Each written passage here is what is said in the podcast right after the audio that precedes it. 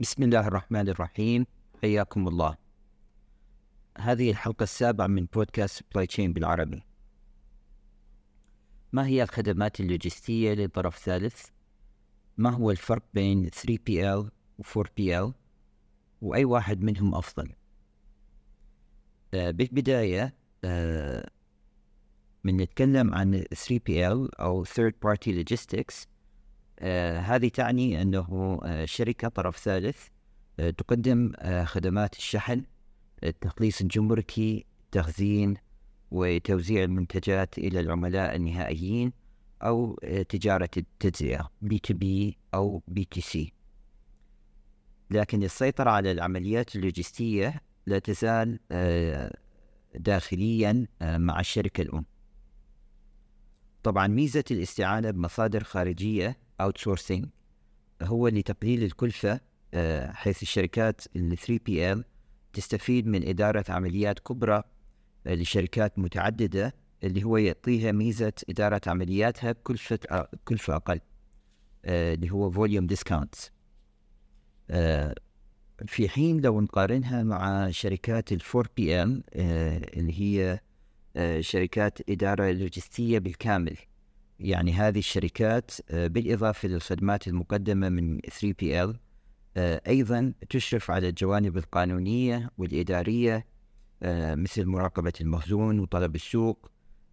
فإذا بحالة شركات ال 4PL الشركة الأم ما راح يكون عندها قسم داخلي لإدارة سلسلة التوريد.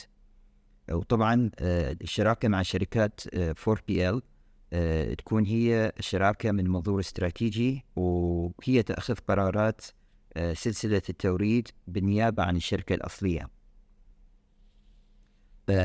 في طبيعة الحال آه، شركات ال 4PL أو ال Fourth Party Logistics تستطيع من الباطن أن تعطي قسم من المهام المنوطة بها لشركة 3PL لتنفيذ عمليات آه، مثل عمليات الشحن والتخليص الجمركي.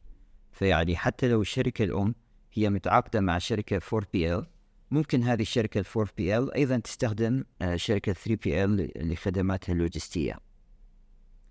آه، طبعا يهدف مزود خدمة إل 4PL إلى تحسين ودمج الخدمات اللوجستية للعملاء. آه، في حين آه، تركيز آه، شركات ال 3PL هو على العمليات اليومية من شحن وتخليص وتخزين. فيعني ال 3PL هي أقل استراتيجية وبحالة ال 3PL الشركة الأم يبقى عندها فريق ربما فريق أصغر من السابق لكن فريق لسلاسل إمداد موجود هو يقوم بعمليات الشراء المفاوضات مع الموردين آه، العقود القانونية آه، مراقبة آه، الشحن فيما يتعلق بالمواعيد المحددة كل هذه يقوم بها تقوم بها الشركة الأم داخليا. لو جينا للسؤال أي نوع من هذه النوعين هو الأفضل؟ طبعا الاختيار بين الاثنين ممكن أن يكون مربك وقابل للنقاش بالنسبة للشركة الأم طبعا كثير من العوامل الداخلية للشركة الأم مثل هيكل الشركة الميزانية نموذج وحجم الأعمال التجارية تلعب آه، طبعا كل هذه الأشياء دور مهم آه، في اختيار آه، مقدم الخدمات اللوجستية المناسب. طبعا نوع المنتج والقطاع أيضا مهم. يعني إذا الشركة في قطاع تصنيعي أو قطاع زراعي أو قطاع تجارة عامة أو قطاع مثلا أدوية كل هذه الأشياء لها متطلبات خاصة.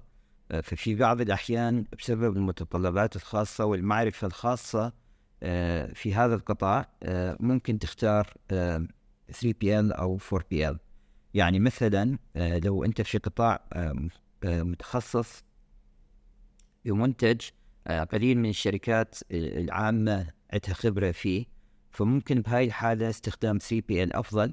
لأنه هذا يعطيك سلطة أكثر لمراقبة المنتجات والتأكد من أنه عندك فريق داخلي آه، هو يقوم بالمفاوضات القانونية أو المفاوضات الشراء من المورد بسبب خصوصية هذا المنتج اللي تم بيعه.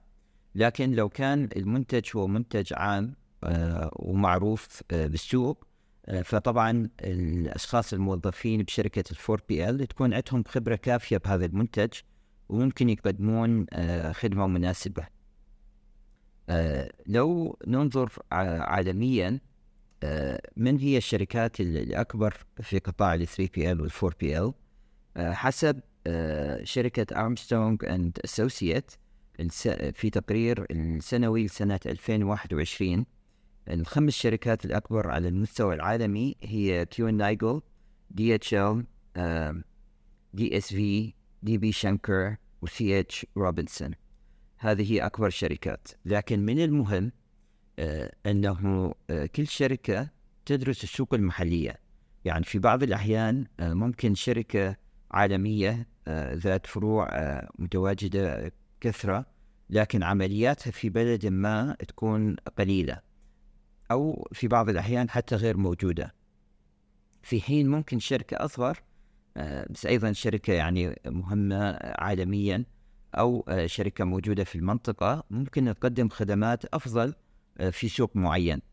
فإذا يعني مراجعة عمليات كل شركة على حدة في كل دولة هذا شيء مهم لأنه مثل ما ذكرت في قسم من الشركات وجودها يكون أقل آه، في قسم من الدول آه، وتضطر أنه تعطي عملياتها لطرف ثالث فأيضا بهذه الحالة يجب للشركة الأم أن تدرس عمليات الطرف الثالث اللي راح تقوم بشركة ال 4PL ب outsource قسم من عملياتها لهذا لهذه الشركة.